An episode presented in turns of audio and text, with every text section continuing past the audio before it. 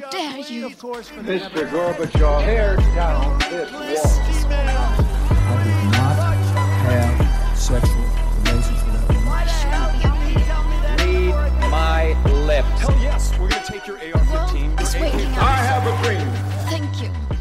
Ukens episode har, eh, har vi kommet fram til eh, Senterpartiet.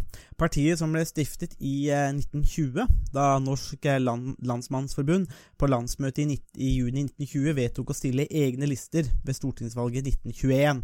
Dette forbundet ble så omdøpt til Norges Bondelag i 1922, og det politiske arbeidet ble så utskilt i en egen organisasjon under navnet Bondepartiet.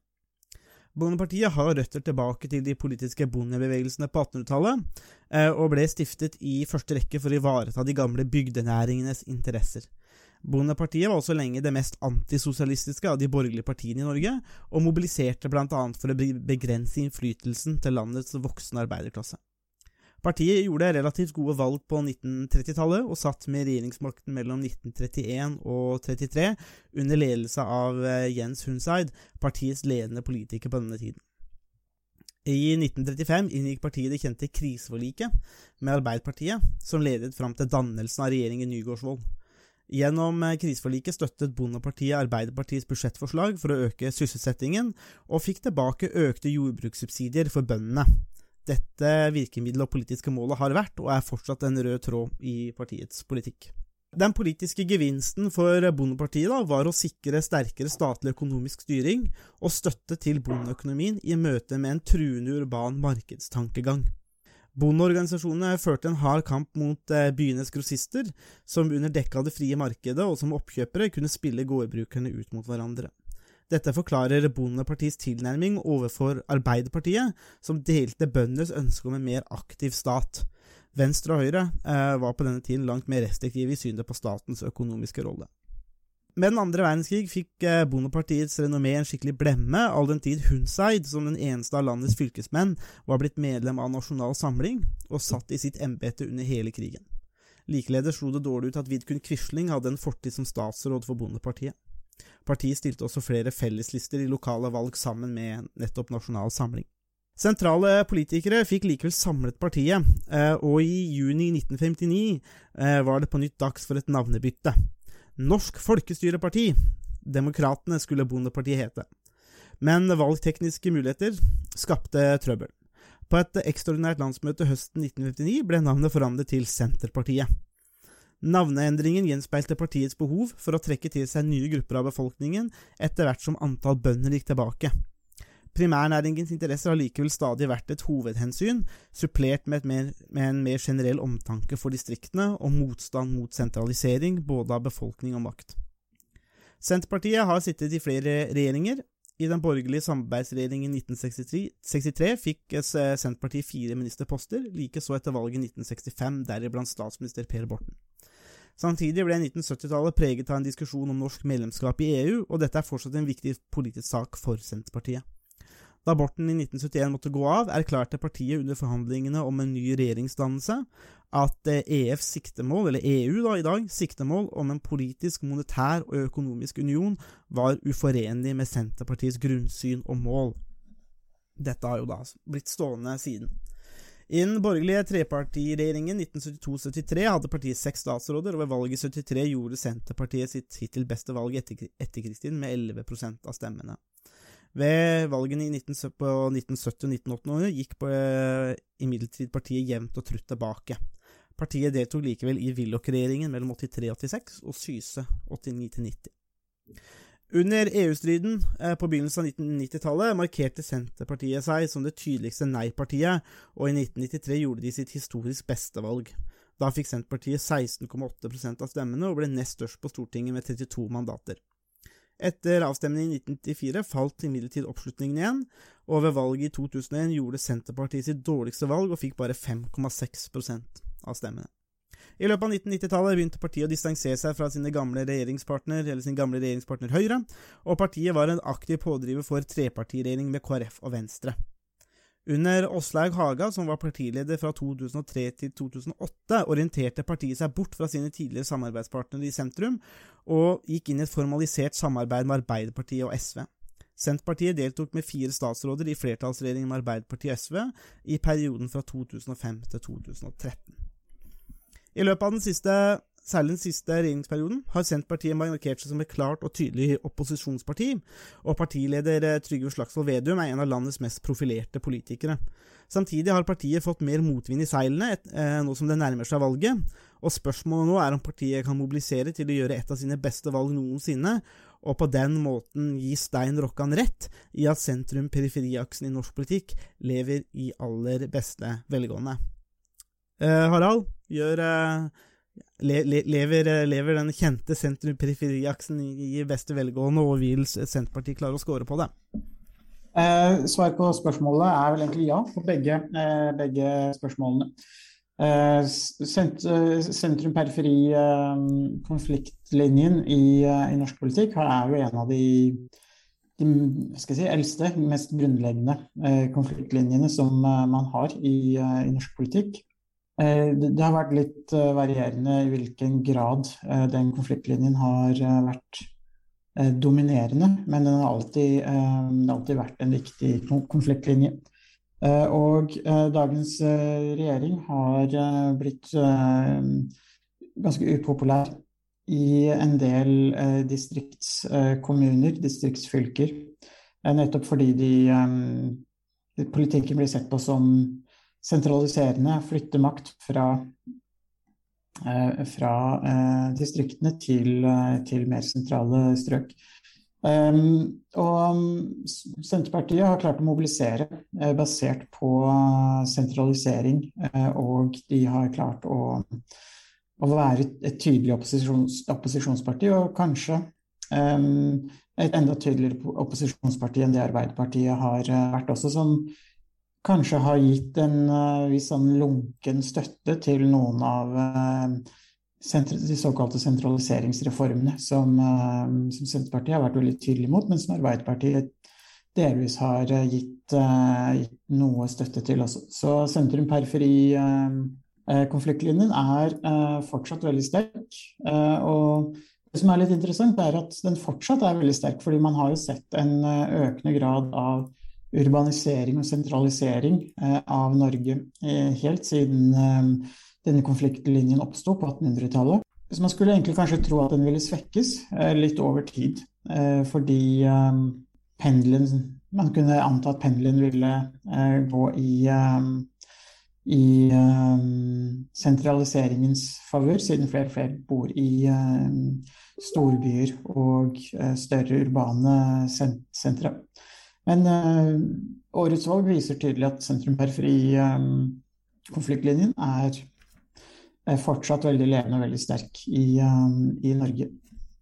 Mm. Ja, det, og dette er jo en, eh, igjen en, eh, som sagt, altså en, det er det som Stein Rokkan igjen eh, definerer, eller beskriver, da, som, som den første store konfliktlinja i norsk politikk. Og bøndene var jo, var jo viktig i, i, denne rollen. altså dette, Her snakker vi jo da på 1800-tallet, eh, og, eh, og krav om kanskje mer selvstyre, men også bedre representasjon. Altså Byene hadde jo sikra seg en, en, om det vi kan kalle en overrepresentasjon, og man, man, eh, man, jobbet veldig hardt for det. og Dermed så ble på en måte distrikt og by eh, de var, de, By og land gikk ikke hand i hand eh, på den tida, og det var en, måte, en, en, ganske klar polarisering. og det, Dette mener jo Rokkan er et generelt eh, trekk i norsk politikk, og det er jo veldig interessant å se, i hvert fall fordi måten, hans måte å forstå politikk på er jo interessant i den forstand at det er jo en slags teoretisk konstruksjon men man ser jo at det har en ganske stor forklaringsverdi. Eh, og uh, med, med, Senterpartiets dannelse eh, i 1920 så skriver jo også Stein Rokkan at med, med, dette så, så bringer vi også inn en ny konfliktlinje, og dette går langs varemarkedet og arbeidsmarkedet, slik at eh, Senterpartiet, eller Bondepartiet, presser på en måte fram primærnæringens interesse, men nå på en annen måte. Nå går det på særlig dette med, med varemarkedet, som jeg var inne på i innledningen, eh, om eh, kontroll av produksjon og salg og statens rolle i dette, da. Så de presser på en måte fram. Og så får man disse eh, kryssende konfliktlinjene. Men eh, eh, du, vi har jo lest eh, programmet, Harald. Eh, dine, dine umiddelbare tanker, refleksjoner eh, rundt eh, prinsipp og partiprogram, og måte hva du Kjenner du igjen, kjenner du igjen Senterpartiet, osv.? Ja, jeg, jeg syns det er gjenkjennelig. Um, vi, vi, skal jo se litt på både uh, styrker og svakheter ved, ved, programmet i dagens episode. Men uh, som uh, generelt så vil jeg si at politikken er gjenkjennelig. det er en tydeligere Altså formuleringene er tydeligere. Eh, og politikken er tydeligere formulert enn det vi har sett i, eh, på partiprogrammet til Arbeiderpartiet og, og Høyre spesielt. Eh, det som det som jeg syns er interessant, er også å se slags, hvilke verdier og hvilke, altså hva slags syn på politikk som, som ligger til grunn for Senterpartiet som, som parti. Og det som, som slår meg litt, er eh, hvordan Senterpartiet eh, vektlegger eh, at samfunnet skal bygges eh, nedenfra. Det er noe vi kjenner igjen fra flere andre eh, borgerlige partier. Eh, og det som, det, som, er spesielt for Senterpartiet, er at de vektlegger i veldig stor grad folkestyre, desentralisering, Eh, og eh, verdien av politisk deltakelse, demokratisk deltakelse. At det nærmest har en, eh, en egenverdi i seg selv. Fordi det innebærer at man er en del av samfunnet i veldig, veldig, i veldig stor grad. Og at man hører til et bestemt sted, og det er den tilhørigheten som, som er viktig. Så det, det som slår meg, er egentlig eh, at Senterpartiet bygger på to prinsipper eller verdier som man finner både i Arbeiderpartiet og også i Høyre og Venstre. Eh, Senterpartiet er veldig opptatt av fellesskap, eh, men det er en annen forståelse av fellesskap enn det man finner i Arbeiderpartiet.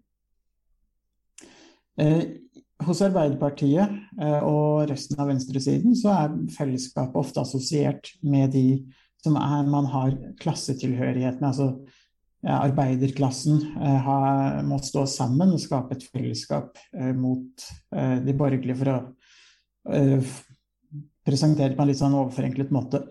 Eh, mens eh, den forståelsen Senterpartiet har av fellesskap, er at man har et fellesskap med de man bor sammen med, altså uavhengig av sosial klasse eller religion eller andre ting. Eh, men man har et genuint og dypt fellesskap som er basert på geografi, altså den geografiske tilhørigheten. Så det er veldig et, et, et viktig eh, prinsipp eller en verdi som ligger til grunn for, eh, for Senterpartiet, og som gjør at Senterpartiet skiller seg fra Arbeiderpartiet når Eh, de snakker om fellesskap. Så både Arbeiderpartiet og Senterpartiet vektlegger fellesskap, men det er to ulike forståelser eh, av begrepet fellesskap. Nei, det samme gjelder også det eh, som Senterpartiet vektlegger når de skal bygge samfunnet nedenfra. Og det er noe vi kjenner igjen fra flere av de borgerlige partiene, som Høyre og Venstre.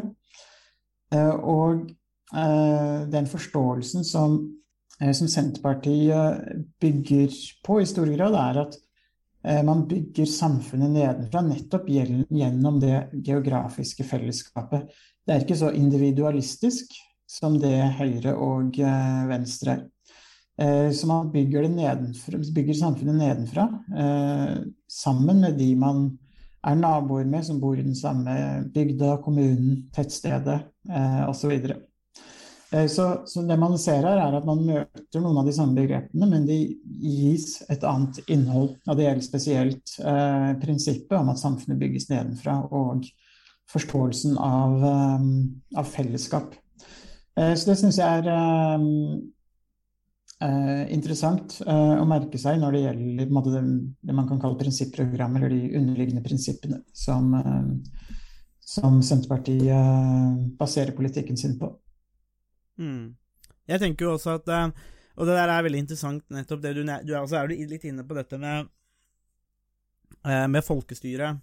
Eh, og, og, og sånn, viktigheten av det, altså det står jo i flere eh, i, i, altså i, i mange, steder i programmet, og vi har jo egentlig hørt eh, Vedum snakke ad nauseum om eh, være nær, nærhet til folket, og folket skal bestemme, og dette folkestyret, og på måte, eh, det skal være litt sånn der common sense, fornuftig eh, tilnærming. Eh, og jeg lurer på om det også måtte kan eh, Om dette kan hentes inn, eller at Senterpartiet der er knytta til nettopp det Rokkan beskriver. For han, han skriver jo i sitt, et av de mest kjente essay, da, 'Stemmer teller og ressurser avgjør', så, så beskriver han jo eh, nettopp denne EU-konflikten.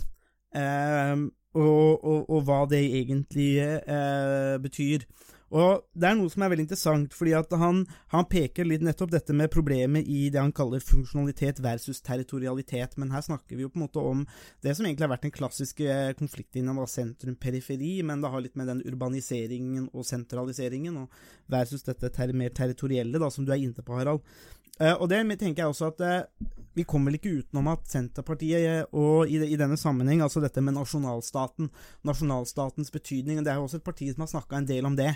Eh, og når det har kommet til en del praktisk politikk om eh, kornlagre og større selvhjelp, så handler jo litt av det om nasjonalstatens interesse. Og det som jeg tenker, som Rokkan skriver om, da, i det han kaller konfliktstruktur og mobiliseringsfaser, så syns jeg at det er veldig interessant, fordi at eh, han påpeker at at eh, man kan utarbeide såkalte korporative forhandlingsstrukturer på tvers av landegrenser, og man kan oppnå en grad av enighet på et rent økonomisk område. Altså Rett og slett sånn som vi har gjort med EU, da. At man, eh, man kan reise uten pass, og man kan gjøre forhandlinger eller avtaler. Du kjøper epletrær fra Nederland eh, til eplegården din. Altså, dette er ting som man kan løse ganske fint. Men så skriver han men territorier har langt videre betydning enn å bare være skueplasser for økonomiske avtaler. Nasjonalstatene har tømret sammen følelser av solidaritet og identitet, og velferdsstaten har gitt slike fellesskapsfølelser konkrete uttrykk gjennom håndheving av sosiale og økonomiske rettigheter, minstelønn, trygder og subsidier. Og så, disse rettighetene og privilegiene er blitt legitimert gjennom systemets valgkanal. Og der tenker jeg jo kanskje at, eh, at, det beskriver på en måte Senterpartiets posisjon.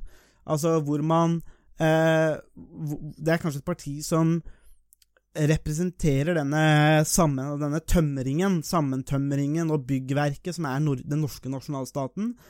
Eh, man har oppnådd rettigheter og privilegier, subsidier og sånn, og alt dette går via landets valgkanal, og så vil man gjerne hegne om nettopp dette. Og jeg tenker liksom at akkurat her så ser vi kanskje denne, denne bærende trenden da, i Senterpartiet, eh, med nasjonalstat og motstand mot EU og det rent korporative og næringsaktige, og hvorfor de er mot dette EU, og hvorfor det alltid har vært en viktig politisk sak da, for EU. Jeg vet hva du tenker om det, Harald? Jo, um, to ting egentlig. Um, fordi På den ene siden kan man si at eh, Senterpartiet sin politikk er eh, utelukkende et uttrykk for særinteressene til jordbruksorganisasjonene og til jordbrukslandbruket. Fordi de vil kunne komme dårligere ut med en overnasjonal løsning som, EU innebærer. Men samtidig så skal man ikke Eh, skal man heller ikke avvise den, altså det som står i Senterpartiet sitt prinsipprogram og i og for seg resten av um, programmet, om at de ønsker et, genuint ønsker et samfunn basert på desentralisering, uh, og uh, hvor uh, lokalmiljøet, fellesskapet, er utgangspunktet for de politiske prosessene. Så det er veldig lett å tolke Senterpartiet som kun et særinteresseparti. Eh, og det har det kanskje til en viss grad eh, blitt forstått som tidligere. Eh, og de har kanskje ikke gjort så mye tidligere heller for å skape et annet inntrykk, men noe som er tydelig i hvert fall de siste, den siste stortingsperioden, er jo at de har etablert seg som et mye bredere eh, Mm. opposisjonsparti. Eh, og hvor de har kapitalisert på den ideen om at samfunnet bygges nedenfra, og at det er lokalmiljøer, fellesskap, som er det, som er det bærende. Så Senterpartiet kan ha både en prinsipiell EU-motstand, fordi de ønsker eh, samfunn basert eh, på fellesskap som bygges nedenfra, og de kan eh, ha en motstand mot EU som, også, som er basert på mer direkte interessepolitikk fra ulike næringer. Og det, det tenker jeg er litt interessant. eh, at eh, det er faktisk til en viss grad så er det jo en slags eh, jo en slags samsvar mellom teori og, og praksis. Samtidig så kan man jo problematisere en del det med særinteresser. Om, hvis man ser litt kynisk på det, så kan man si at Senterpartiet er egentlig bare en, en særinteresseorganisasjon for landbruket som eh, sitter på Stortinget.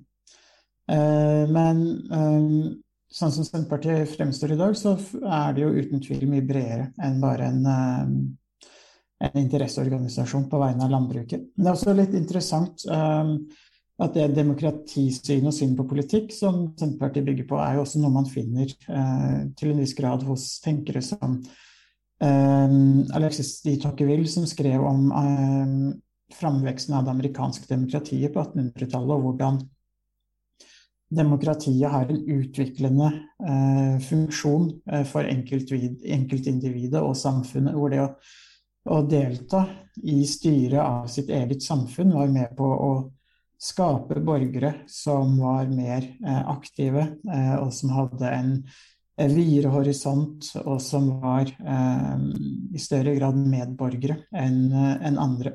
Så måte man vektlegger nærmest en eh, deltakelsen som en egen eh, verdi i seg selv. Problemet med den, den type demokratisyn er jo det at demokratiet er jo først og fremst noe eh, man bruker for å ta beslutninger når man er uenig. Det er på en måte ikke et opplæringsprogram. Eh, det har en, en helt annen funksjon, eh, politisk funksjon. Det er ikke et, eh, en, eh, en opplæring i eh, For å skape mer hva skal, man si, individer som har en bredere horisont, eller som er mer aktive i seg, i seg selv.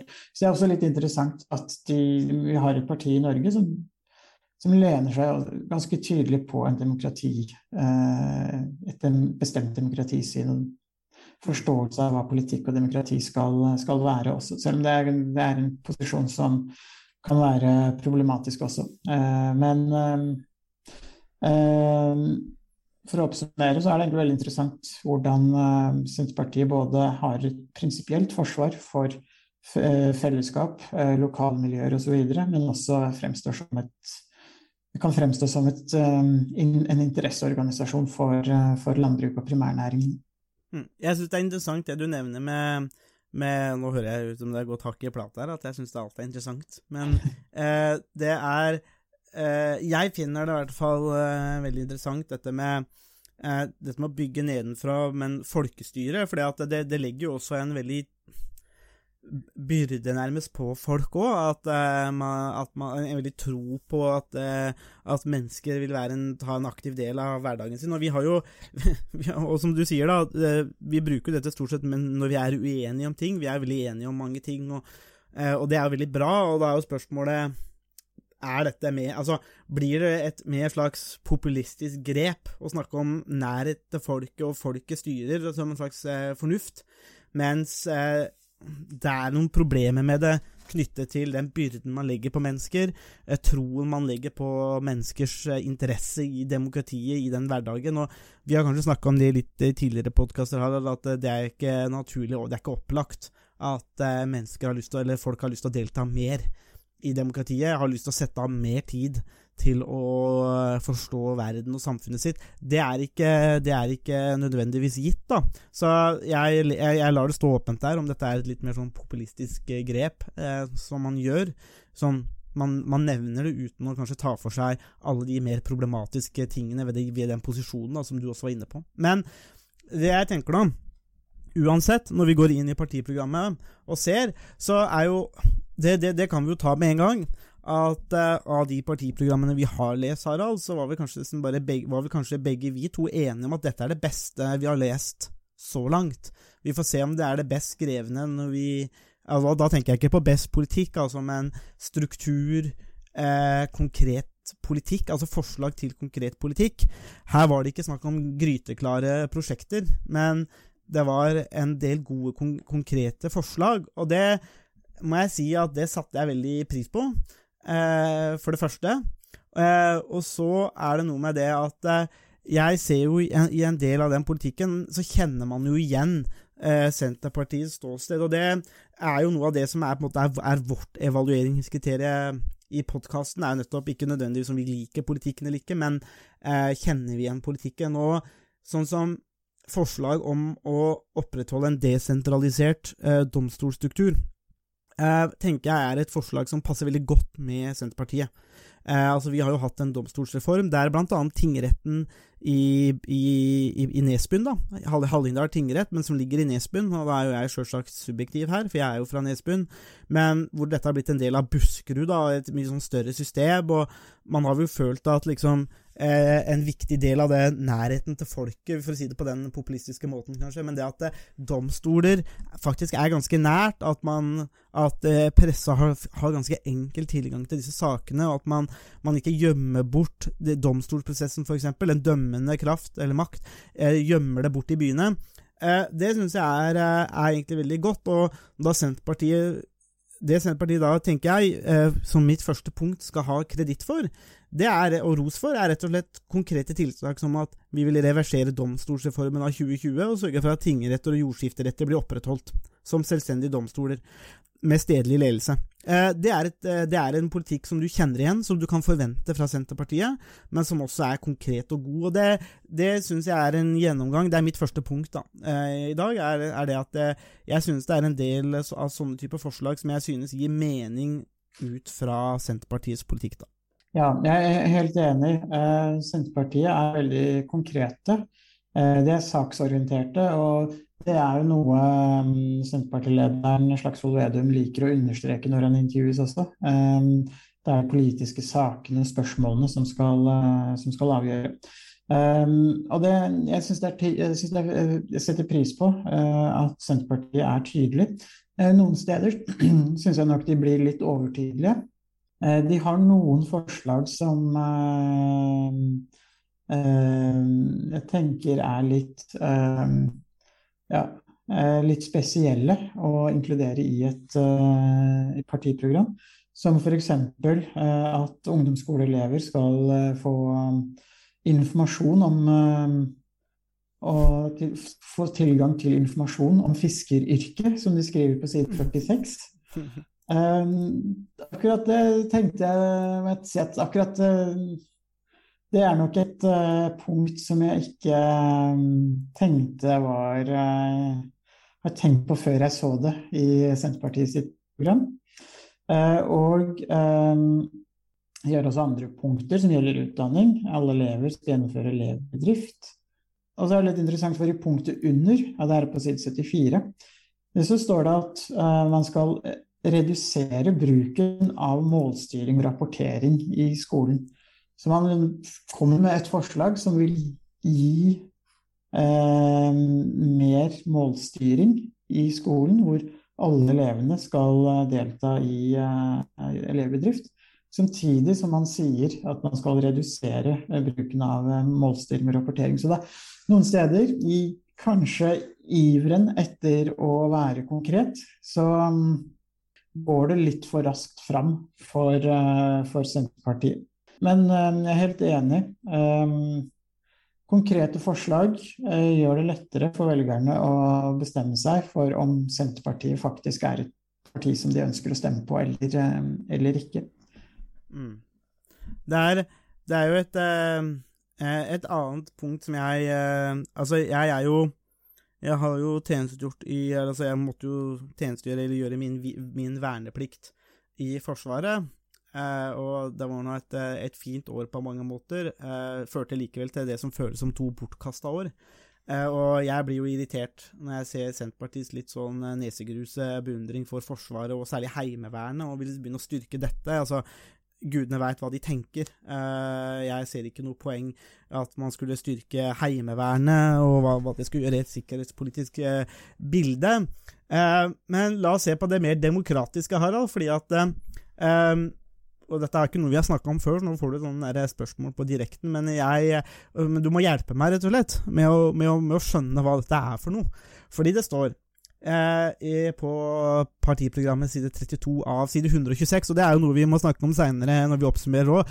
Herregud, hvor lange disse partiprogrammene har blitt, og jeg skjønner at det er ulike grunner for at de er så lange. Men eh, de, det må da være mulig å skrive mer konsise partiprogram for velgerne. De skriver vel kanskje bare for særgrupper og særinteresser, og det er vel kanskje et problem i seg sjøl òg. Eh, eh, men de skriver på side 32, da, at bærebjelka i Folkeforsvaret jo, Hvor ofte hører du det, egentlig? Folkeforsvaret, det er nesten så vi er tilbake vet du, i 33. Er verneplikten. Senterpartiet mener at verneplikten gir en demokratisk basis for Forsvaret som sikrer rekruttering, og mener at det er nødvendig å øke antallet som gjennomfører verneplikten.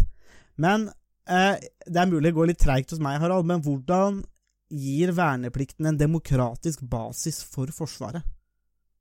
Eh, veldig godt spørsmål. Um, og jeg tror faktisk det finnes et, uh, et godt svar på det også, uh, sett fra Senterpartiet sitt, sitt perspektiv. Um, så det er kanskje et litt langt svar, men jeg tror det er et, et godt svar for Senterpartiet sin del, i hvert fall. Hvis, hvis man f.eks. går tilbake til, til 1500-tallet uh, i Nord-Italia, hvor man hadde en rekke republikker i, i de norditalienske bystatene, så vokste det um, over tid um, frem um, et behov uh, for å ha et, et, sterkt forsvar av de ulike bystatene pga. mange kriger mellom bystatene, men også mot Frankrike, som forsøkte å okkupere Nord-Italia. Så man, de ulike byene måtte bygge ut et, et forsvar basert på innbyggerne, på borgerne. Eh, og eh, det som er interessant, er jo at borgerne da måtte jo stille med livet eh, som innsats, som man jo gjør i, i krig. Og det fungerte, eller hadde en demokratiserende funksjon, rett og slett ved at borgerne da også krevde innflytelse på beslutningene som skulle tas i, i bystaten eller i samfunnet. Så det å måtte delta i forsvaret av sitt eget uh, samfunn uh, hadde den demokratiserende funksjonen at, at det også uh, var en måte å bli representert på, eller man kunne kreve representasjon. For når man da i så stor grad deltok i, i bystatens kamp for overlevelse, så, um, så krevde man også representasjon og innflytelse.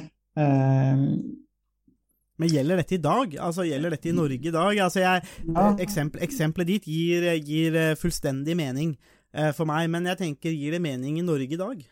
Nei eh, og ja. Eh, det gir ikke mening i Norge i dag fordi at eh, vi har ikke et eh, forsvarsbehov på samme måte som, som tidligere. Under den kalde krigen så var situasjonen ganske annerledes. Og Norge hadde en mye større, eller mange flere mann, eller mange flere soldater eh, våpen, eller som hadde våpen, eller tilgang til våpen, eller som var i beredskap.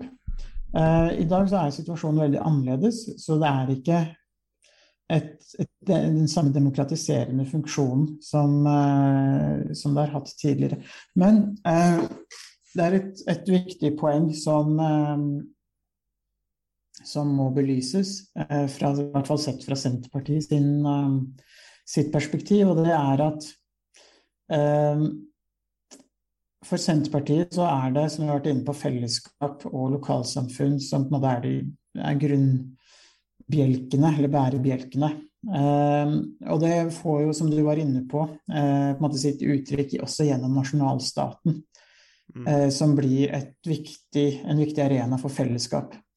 Og Senterpartiet er jo et av de partiene eh, som har noen av de mest som sk- skriver relativt fyldig og detaljert om forsvar og sikkerhetspolitikk sammenlignet med flere av de andre partiene.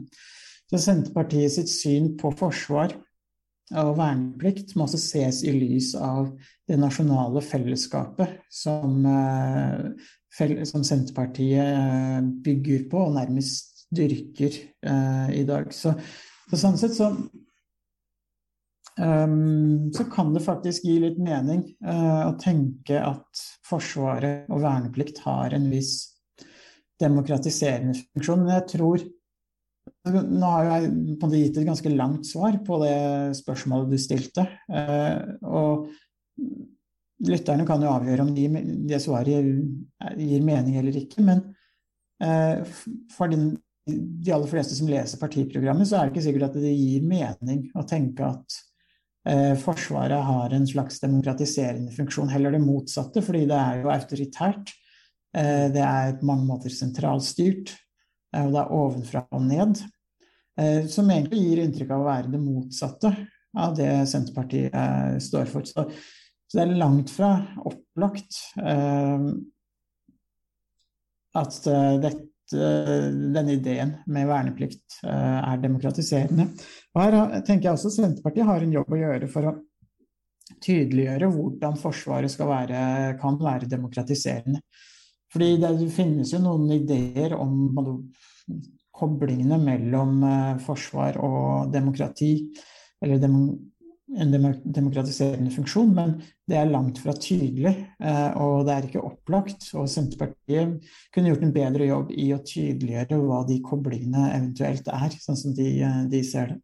Mm, ja, for det er, det, er- det som du sier, det er langt fra opplagt at, at et Forsvaret har en demokratiserende effekt, nettopp fordi at det, som du sier, da, det er jo autoritært. Det går jo primært på ødeleggelse.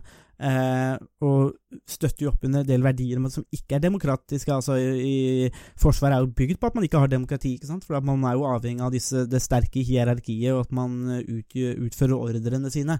Så på den måten så lærer man jo egentlig det motsatte, og eh, det mi mi militære har jo i mange land vært middelet som har stoppa demokratiseringsprosesser.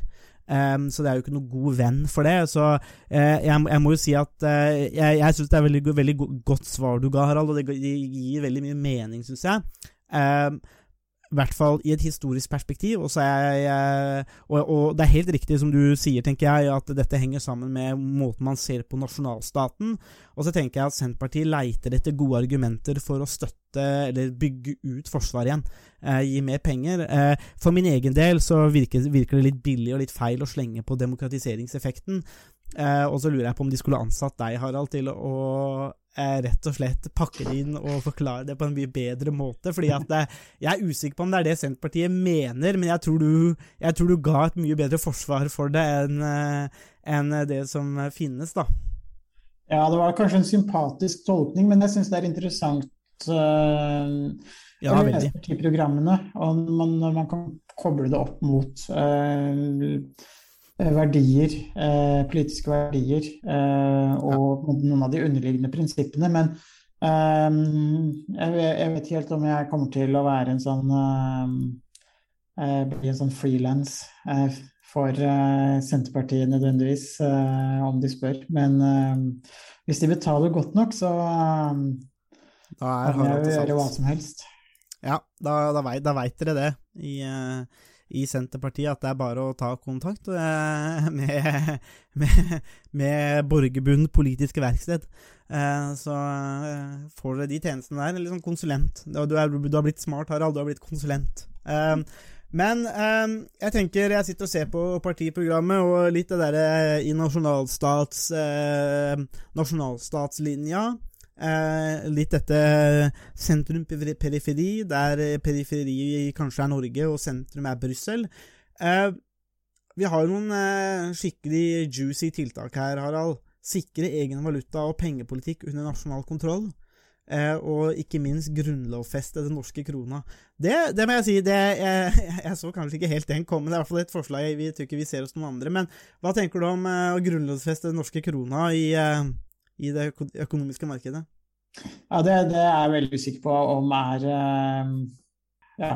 Nei, altså, det, det, jeg syns også det var et eh, Det var noe som jeg eh, reagerte på ganske umiddelbart. fordi da jeg leste det, og det, det er mye med fordi at, mye med at altså, Man kan jo diskutere verdien av den norske krona sånn i seg selv, men det er, um, det er kanskje et uttrykk for at man ønsker å hegne om det nasjonale i alle mulige former. Men, og jeg syns kanskje det er et, eh, et forslag som altså Jeg vet ikke helt om det er et grunnlovs...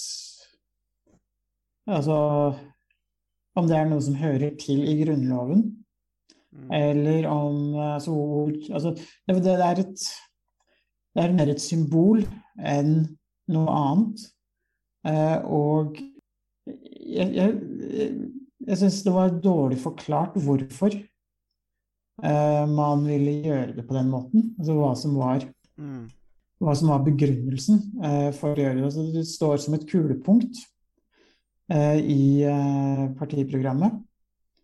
uten at det er uh, begrunna i en veldig en veldig detaljert, på en veldig detaljert vis. Og jeg er litt altså, Jeg vet ikke helt om Norge nødvendigvis eh, blir noe mindre Norge om man hadde hatt en annen valuta. Eh, Veldig mange forholder seg jo til andre valutaer ganske, ganske ofte, spesielt eksportbedrifter. Som kanskje eh, kjøper og selger eh, mange eh, innsatsvarer og produktene sine i andre valutaer. Så jeg vet ikke helt. Det er, det er um, eh, et, et veldig pussig forslag eh, som eh, krever en bedre begrunnelse. Jeg syns det er vanskelig. Jeg har forsøkt å være veldig sympatisk med Senterpartiet når det gjelder eh, den demokratiserende effekten som Forsvaret kan ha osv. Men når det gjelder å grunnlovfeste den norske krona, så eh, kommer jeg nok litt til kort. Så er det ikke sikkert at Senterpartiet vil eh, leie meg som konsulent eh, likevel. Nei, det, det kan jo hende at det, er, eh, at det er der det stopper. Det virker jo, virker jo for meg litt merkelig kanskje å skulle grunnlovfeste et, eh, si, et økonomisk instrument, eh, et, et, en konstruksjon. altså All den tid du får bitcoins og andre former for kryptovaluta, så virker det litt sånn ja, Du kan jo grunnlovfeste en norsk krone, og om 50 år, 100 år, så kan det hende at vi bruker andre former for valuta. Da sitter man med en slags grunnlovfesta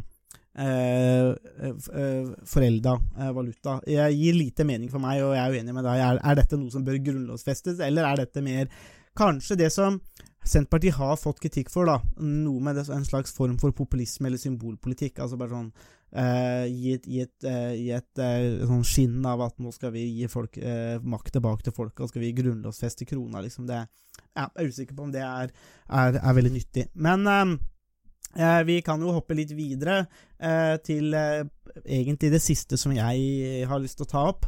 Eh, men eh, som jeg syns eh, var veldig, veldig bra. og det er utdanningsdelen av, av partiprogrammet. og et par fine ting, men ikke sant, øke basisfinansiering basisfinansiering av universiteter og høyskoler. det synes jeg er veldig bra.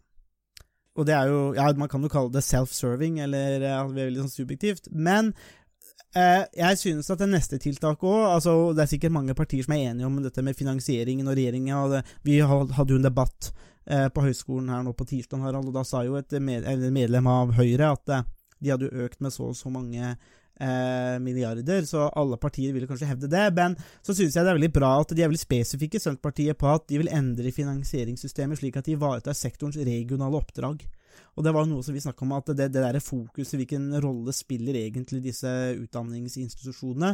Dette henger også sammen, synes jeg, med eh, partiets prinsipper, og kall det ideologi, eller hvordan verdier, da.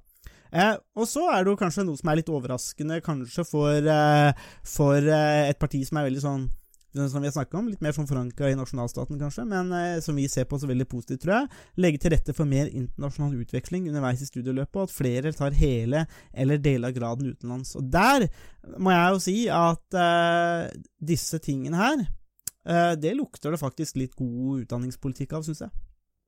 Ja, ehm,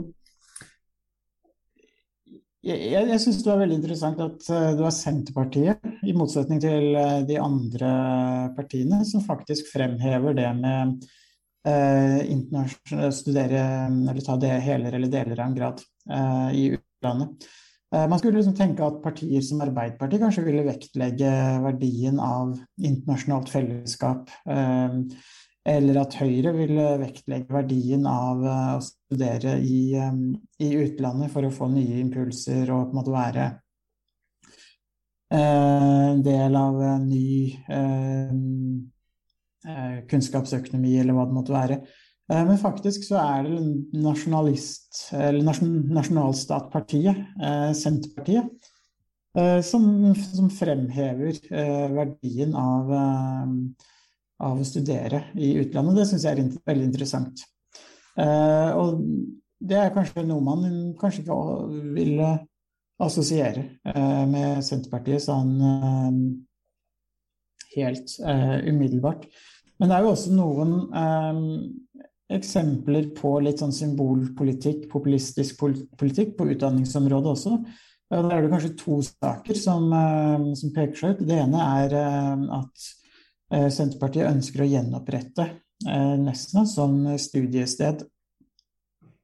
Eh, Og det andre er at eh, Senterpartiet ønsker å melde Norge ut av eh, PISA-undersøkelsene eh, som, som tester eh, norske 15-åringer eh, sine, eh, sine leseferdigheter, eh, matematiske kunnskaper osv. Eh, og det er litt sånn Kanskje at kritikken mot Senterpartiet har jo vært at de de, eh, de melder seg ut der ting kan være litt vanskelig. Hvis norske 15-åringer gjør det litt dårlig på PISA-undersøkelsene, så tenker man, at, så tenker man at man melder, melder seg ut av PISA istedenfor å forsøke å, å bedre kvaliteten eller gjøre noe som kan, eh, kan bedre resultatene. Eh, og samtidig, hva er poenget med å opp, gjenopprette Nesna som studiested hvis det er veldig få studenter som eh, eh, studerer der? Kan, hva er vitsen med å gjenopprette Nesna hvis man ikke har en plan for hvilke studier som skal eh, etableres der? Dermed, ikke, det er greit nok å, å mene at man skal melde Norge ut av både PISA og gjenopprette Nesna som studiested, men da må man også ha en, en plan for hva man Eller begrunne, begrunne det tydeligere, kanskje, enn det som Senterpartiet eh, har gjort eh, så langt. Og der har det jo, um, altså Nesna har, jo, har det jo vært mye diskusjon om, eh, både i riksmedia og um, eh, andre steder. Eh, så det er litt eh, man, finner noen av de eksemplene på litt populistisk, litt enkle forslag som kan virke som kan virke fornuftig, men hvordan skal man ellers sammenligne norske 15-åringer eller norsk utdanning med utdanningsnivået i andre land hvis man ikke har et sammenligningsgrunnlag? Det er kanskje ikke det beste sammenligningsgrunnlaget, men det er i hvert fall eh, noe. Så man må i hvert fall ha svar på de innsigelsene som er veldig, veldig opplagte når man kommer med den type, type forslag. Um, for regional forankring er jo viktig i og for seg, men man må også kunne begrunne det. Det er jo ikke et mål i seg selv, ville mange tenke. Mm. Mens for Senterpartiet så kan man kanskje få inntrykk av at det noen ganger kan være et mål i seg selv. Eh, Og det er jo, da må man i hvert fall begrunne det mye tydeligere enn det som, eh, som gjøres på de 126 sidene som eh, de har brukt på partiprogrammet sitt. Mm. Ja, det er, altså det er jo det er jo alltids eh, deler her, og det har vi jo kanskje gått eh, ganske hardt gjennom i alle eh, alle disse eh, episodene våre. Om de ulike episodene, og Senterpartiet er jo ikke noe, jo noe unntak i den forstand. Men eh, hvis vi begynner å oppsummere, Harald. Dette, dette partiprogrammet, jeg vet ikke om du har noen siste poenger. Eh, jeg tenker jo at etter å ha lest partiprogrammet, så eh, må jeg jo si at igjen, gjenta meg sjøl litt, men sammenligna med det vi har lest så langt i denne podkast-serien om de ulike programmene, så, så tenker jeg i hvert fall at det var en eh, At det er et veldig godt skrevet dokument. Eh, jeg liker strukturen. Eh, det er konkret politikk, mer konkret politikk enn hos en del av de andre partiene, tenker jeg. Og så kan man jo være uenig eller enig i det, men det er jo ikke poenget her. Det Poenget er om det kommer godt fram. Eh, og det, det syns jeg er bra. Det er noe som føles litt eh, usammenhengende og merkelig, litt sånn symboltungt og sånn, men likevel så synes jeg jo, og det er kanskje eh, min hovedtakeaway fra å ha lest partiprogrammet, er at jeg synes partiprogrammet henger veldig godt sammen i sømmene og er en god, god representasjon av Senterpartiet på en mye bedre måte enn det Senterpartipolitikere i media klarer å gi inntrykk av. Jeg, eh, jeg, blir mer sympatisk stilt overfor Senterpartiet med å lese partiprogrammet. Jeg syns det gir mer mening, jeg syns det virker bedre enn når jeg hører uh, Slagsvold Vedum uh, prate om det han alltid prater om, og lede bort. Eller andre Senterpartipolitikere som skal være folkelige og snakke om nærhet og alle disse tingene så synes jeg faktisk at partiprogrammet er en mye bedre versjon av Senterpartiet enn politikerne klarer å gi inntrykk av, og det overrasker meg egentlig litt at de ikke støtter seg mer på partiprogrammet, fordi jeg synes det er veldig mye bedre enn det de klarer å artikulere sjøl. Ja, jeg er helt enig. Eh, Senterpartiet har et konkret eh, partiprogram, og vi har vært inne på noen av de sakene som eh, kanskje kan virke litt merkelige.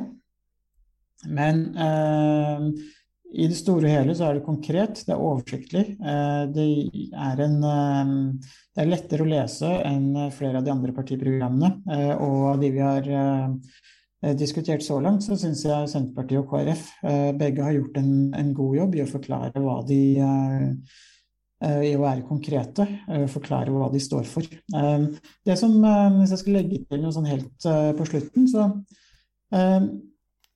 tenker jeg at noe av det som er litt utfordrende eh, med Senterpartiet, er hvordan de hele tiden vektlegger eh, lokale løsninger, eh, og at det skal være et aktivt folkestyre som skal styre nedenfra og opp. Samtidig som de vektlegger at det skal være små geografiske forskjeller. Men hvis man tar folkestyret seriøst og på alvor, og gir lokalmiljøene og lokalsamfunn ansvar, så vil det også veldig lett kunne medføre ulike løsninger i ulike deler av landet. Eh, og det vil undergrave ideen om små geografiske forskjeller. Eh, og det tenker jeg er en utfordring som Senterpartiet må ta mer på, på alvor. Eh, og som de, de skjuler litt i, i partiprogrammet. Det er ikke sikkert at det er noe som er uløselig, men det er noe som, eh, som, de, som ikke kommer tydelig fram i, eh, i, i, partiprogrammet. Og heller ikke i kommunikasjonen som, eh, som de har presentert i politiske debatter og, og, andre steder.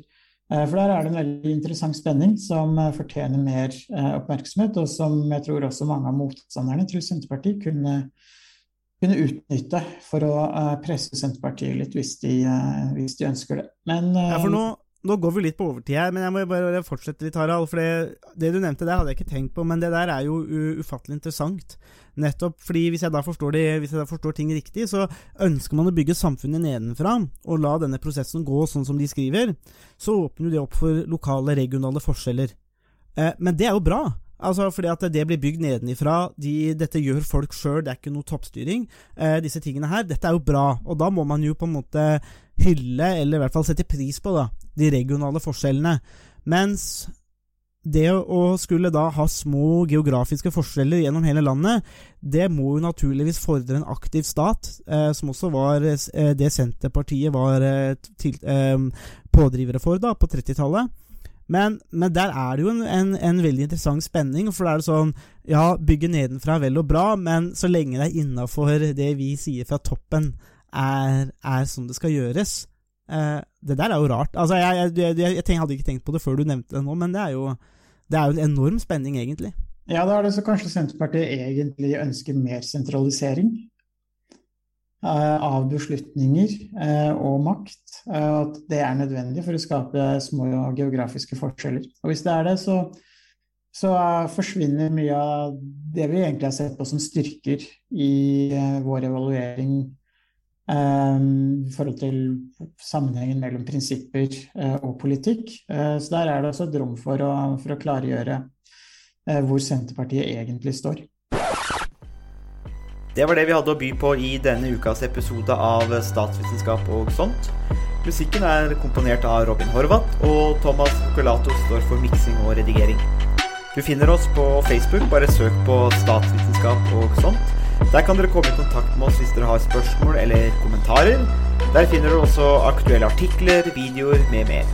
Vi setter pris på om dere liker sida, og deler den med andre som dere tenker vil ha glede av å høre på podkasten. Vi høres!